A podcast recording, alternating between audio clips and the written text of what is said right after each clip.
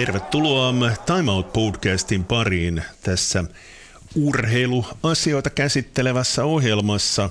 Minä Anssi Marttinen ja Vaasabladetin Juuna Nyström käymme ajankohtaisia aiheita läpi. Juuna, tervetuloa. Ha.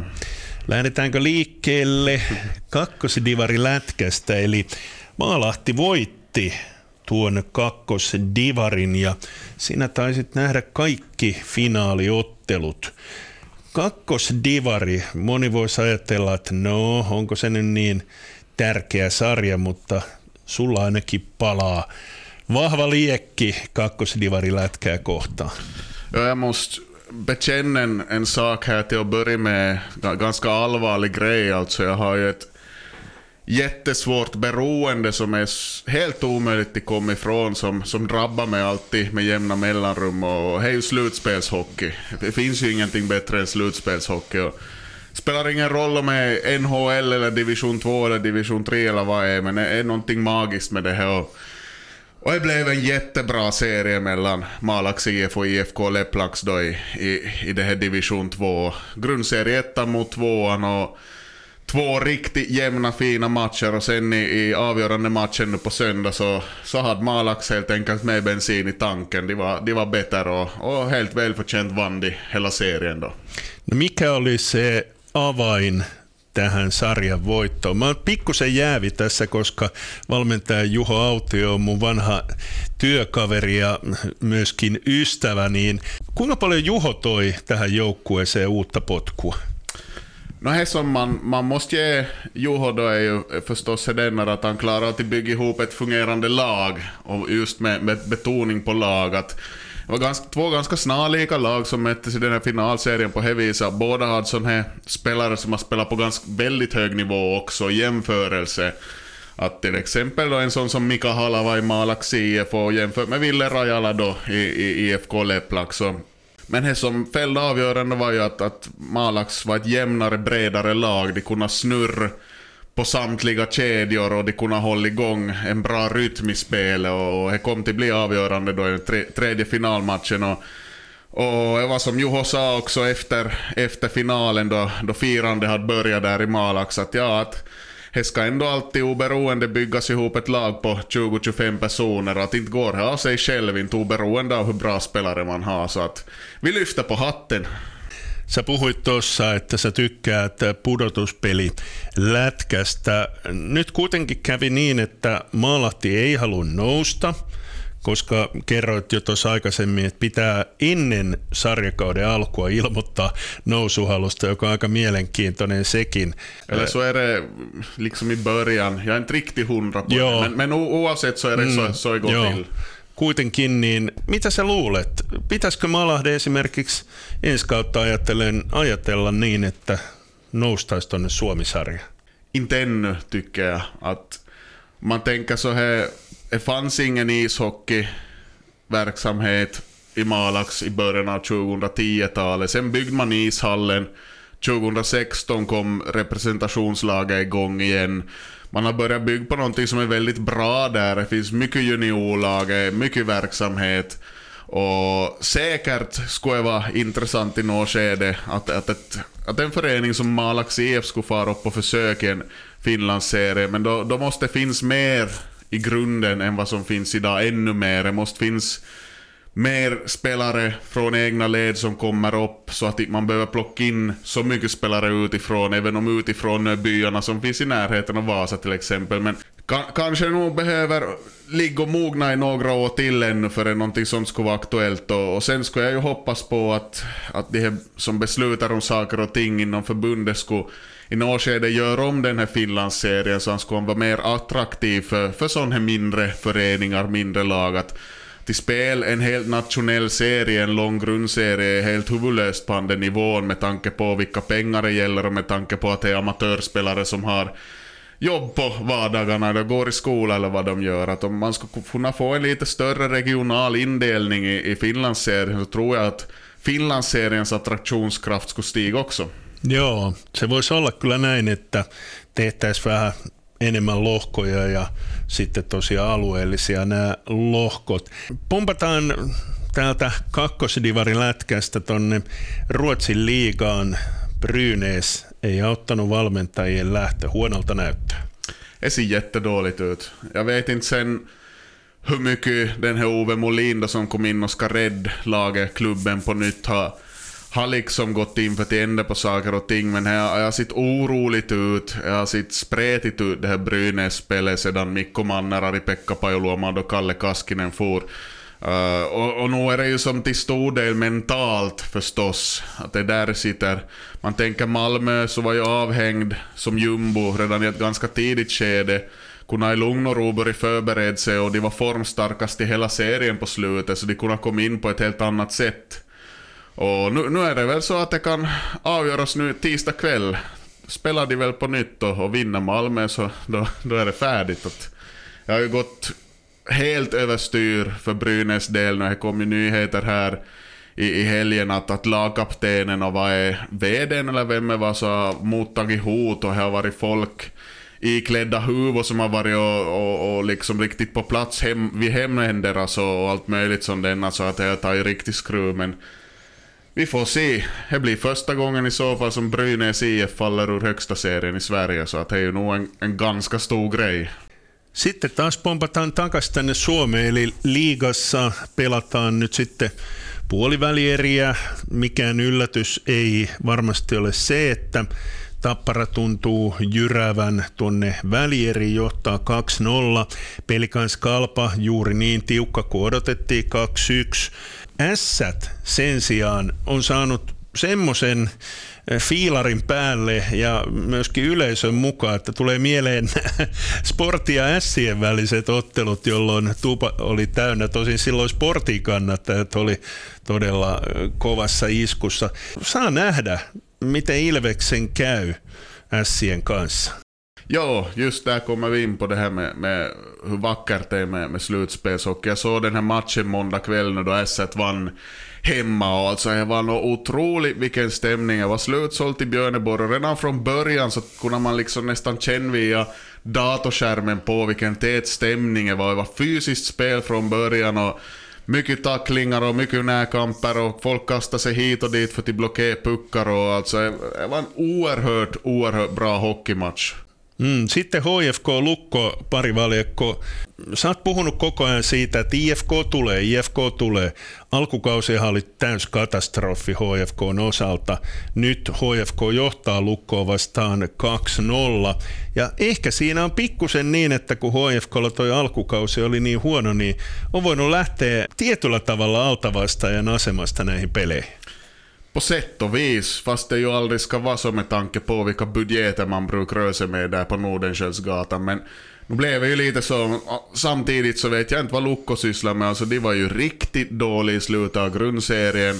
Otrolig formsvacka och de kommer in helt fel i den här kvartsfinalserien. Och i och för sig nu den här måndagskvällens match var ju 0-0 efter 60 minuter så där hade det kunnat gå hur som helst men det känns som att Lukko har inte någon stepp de tar just nu, de, medan IFK blir bara bättre match för match. Och, så länge Roope Taponen finns där mellan stolparna, den här, så att säga enda målvakten de har, så, så kan det räcka ända till final för HFK.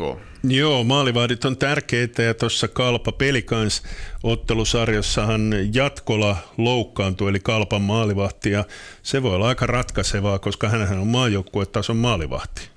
Ja, intressant match. Ja, jag, jag satt som sagt och såg på den här andra matchen jag då S1 Ilves, men så såg jag på resultatservicen att okej, okay, Kalpa tar i ledningen ganska sent om jag minns rätt. Mm. Sen mitt i allt så var det 2-1. Alltså, Pelikans gjorde mål utan målvakt och då skadade sig Jatkola. Sen ungefär en halv minut senare, då är bara sekunder kvar, så gör Pelikans mål på nytt på den här målvakten som kom in och så vinner de matchen. Helt otroliga grejer. Som sagt, slutspelshockey. Ja Lukko HFK-ottelussa Lukollahan on muistaakseni yksi parhaimmista puolustajista pelikiellossa, mutta nyt Ilari Melart hölmöili itselleen sitten luultavasti pelirangaistuksen. Se oli kyllä todella idioottimainen temppu, kun Summeri oli jo soinut toisen erän päätteeksi. Ja, vi får se om det blir några efterverkningar där och någon avstängning. Att, jag vet inte, som det är eftersläng så, så kanske får räkna med att man, man sitter sitter i omklädningsrummet matchen ut och inte blir någon avstängning. Men vi får se, vi får se. Eh, jätteintressant just att, att en sån där rutinerad spelare och en sån där liksom stödpelare i laget går och gör en sån där grej. Men det visar ju också att det kan koka över för lite vem som helst. Och, och om man går tillbaka då till den här Ässät Ilves matchen så där var ju också att det var fysiskt spel från början till slut men det kokade ju inte över för någon. Allihop var fokuserade där och fokuserade på spelet och de var medvetna om henne. Man kommer till måste ge och ta. Far man efter pucken i hörnet så kommer man antagligen till få någon efter sig. Och, och på det viset så, så visar ju också att ishockey kan vara en jätte, jätte fysisk sport utan att det är en, en, liksom en grisig sport. Time Out Podcast on käynnissä. Studiossa ovat Radio Vaasan Anssi Marttinen sekä Vaasabladetin Juuna Nyström. Ja niin kuin viime viikolla jo vähän puhuttiin, että nyt kun kausi alkaa olemaan loppupuolella, niin alkaa spekuloinnit näistä pelaajista, joita mahdollisesti on tulossa Vaasan sporttiin ja tosiaan melkoinen määrä tuli tämmöisiä spekuloinnin kohteita, eli sport-huhuja. Lähdetäänkö liikkeelle maalivahdista, eli spekuloinnin kohteena on Miroslav Svoboda, joka on pelannut Tsekin liigassa. Onko tulossa vai ei, Juuna? Det har varit jättelänge nu snack om den här Svoboda, så det börjar ju kännas som att, att det är närmare och närmare att ja, men det är nog en klar deal det här. Och, och förstås intressant att ta in en målvakt utifrån. Jag har ingen som helst uppfattning om, jag aldrig tror jag sett den här människans spel, men, men han har ändå, han är hyfsat meriterad och, och i så fall blir det en väldigt intressant värvning. Att där blir det ju då målvaktsduon klar i så fall, för Rasmus Reijola har ju kontrakt ännu över nästa säsong. Ikää Svobodalla on 28 vuotta, joka ei tietysti ole oikein hyvä siihen nähden, jos yritetään nuorentaa joukkuetta, mutta toki maalivahti on niin tärkeä palanen joukkuetta, että ehkä sinne voidaan sitä kokemusta myös ottaa. Lisää ruotsalaisia. Huhujen kohteena on myöskin keskusyökkäjä Juhan Sundström, ikää 30 vuotta. Ei pelannut tällä kaudella palkkaerimyöllisyyksiä vuoksi ollenkaan. No, om, om jag ska först säga så nu är ju ändå den Svoboda sju år yngre än Niko Hovinen. kyllä, kyllä. Inget illa sagt om någon, bara konstatera faktum. Men ja, den här Sundström skulle vara ett jätteintressant case. En oerhört, oerhört meriterad spelare och en bevisat skicklig spelare och, och dessutom en center. En center som har spelat på jättehög nivå. Det skulle vara, tror jag, en kanonvärvning för sport oberoende av då att han inte spelade den här säsongen, det är ett märkligt fall här denna just att Tydligen var det så att Frölunda skulle vilja avbryta kontraktet då, men att spelaren inte gick med på det då, och så lämnade liksom i status quo då. Men nej, jag tror det skulle vara häftigt att få hit en sån där, en spelare av hans kaliber och någonting som då förstås talar för att han, han faktiskt är aktuell är ju att han har spelat då både med Simon Hjalmarsson och Sebastian Stålberg då han var där i Frölunda så att Kanske kan hända att det har varit något telefonsamtal där. Sitten todella mielenkiintoinen puolustaja, eli Kiekko Espoon Atro Leppänen, joka on aivan käsittämättömän pistemäärän takonut. 52 peliä, 24 maalia, 35 maalisyöttöä, eli 59 pistettä 52 peliin puolustajalta – jotenkin tuntuu oudolta, että Sport saisi tällaisen puolustajan, eikä joku niin sanotusti rahakkaampi liikaseura. Jag håller absolut med. Att det känns lite märkligt och just tänker att han, han huserar där i Esbo så till exempel HIFK då skulle ju vara ett naturligt alternativ och så finns det ju Kärpät och Tappara, kanske Ilves och de stora, stora klubbarna då som, som om de vill ha någon så tar de dem för att de är resursstarkare än alla andra. Men då, då kan det ju förstås hända liksom att, att Sporta kunna erbjuda någonting annat och en, en större roll än man skulle få i en annan klubb. Att på det är väl sports, sports det här SCR, då i så fall. Och, ja, alltså vi, vi hade ju nog förstås, vi hade Emil Johansson den här säsongen, Sean Heschka som producerar, men att som det backar som har, har förmågan till producera på det viset, så inte dit växer de ju på tredje och, och finns runt alla gatknutar. Så nu skulle det vara häftigt att få in en sån där spelartyp. Och förstås då så handlar det om att han ska steppa upp en nivå. Att om du spelar i seriens bästa lag? Är han miljön omkring dig och nivåskillnaden är ganska hög mellan toppen och botten i Mestis, precis som i ligan. Så då har du en oerhörd förutsättning till att göra de här poängen, men till kom till ett underdog-lag då gör samma sak, så det kräver ganska mycket. Sinä kun olet paremmin selvillä sportin keskushyökkäjätilanteesta, jos Juhan Sundström tulee sporttiin, hän on keskushyökkäjä, ketäs muita siellä sitten keskushyökkäjiä on? No då har vi ju Axel Holmström då som andra center förmodligen om inte mm. han får fortsätta som första center. Och, och, och sen är det ju det att de här renodlade centrarna så har ju varit ett problem för sport och man har inte haft det. Och, och nu till exempel så, så avslutar ju Tor Asplund och han, han kommer inte till spel något mer. Där försvinner en center. Erik Riska kan spela som center, men han kan spela på, i vilken roll som helst. Vi har, vi har väl inte sett honom som målvakt ännu, men jag tror nog han skulle fixa det. så att, men men där, där är det ju en, en, en knut till lös. Nu kommer jag faktiskt inte ihåg på rak arm om jo. Teemu Väyrynen då, som har spelat ganska mycket som center. Hade han kontrakt i nästa säsong? En muista sitä, mutta tosiaan eh, kun näitä huhuja liikkuu, niin myös Jypin keskushyökkäjä Anton Stroka ja Hockeyallsvenskanin Muuran keskushyökkäjä Kalle Miketinak tai mitenköhän tuo nyt parhaiten lausutaan, ehkä osaat paremmin lausua, niin heistäkin on huhuttu sportin pelaajina. Ja, no där skulle vi ju ha centra så är räcker då och förstås Stroka skulle vara roligt att få in, är ju en Nykarleby-pojk. Ah. Så att där skulle man få lite av den här österbottniska lokala prägeln då och förstås i så fall ännu en förmåga från, från norra hållet då som skulle komma in. Vi har ju haft flera bra sådana i laget och Erik Riska, Filip Riska är ju bästa exemplen. Ja sitten on vielä yksi huhuttu nimi, eli Malmössä pudotuspelejä pelaava pakki Kar Juhanni Lierby. No, nämä on näitä huhuja, en tiedä. Onko, oletko kuullut hänestä mitään puhetta? No desto mer, men det snackas ju om tränare också.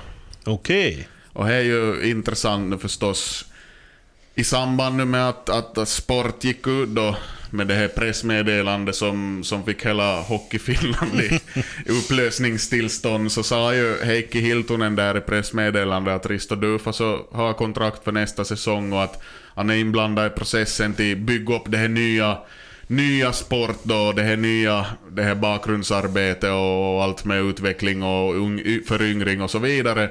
Men det känns ju som att det fortfarande kan ske en förändring där och två namn som har dykt upp mycket i spekulationer då så första är Jouko Myrre som eh, fick sparken från Ilves då de med våld skulle ha in Antti Pennanen istället. Vilket ju sen gick helt okej okay för Ilves del, men Jouko Myrre alltså har inte något jobb just nu. Och det andra är Tommy Miettinen som tränar Kalpa och har gjort ett otroligt bra jobb där. Och där finns förstås den intressanta kopplingen då att den här Herkko Koski som kommer in som sportchef så har ju jobbat också i Kalpa nu senast.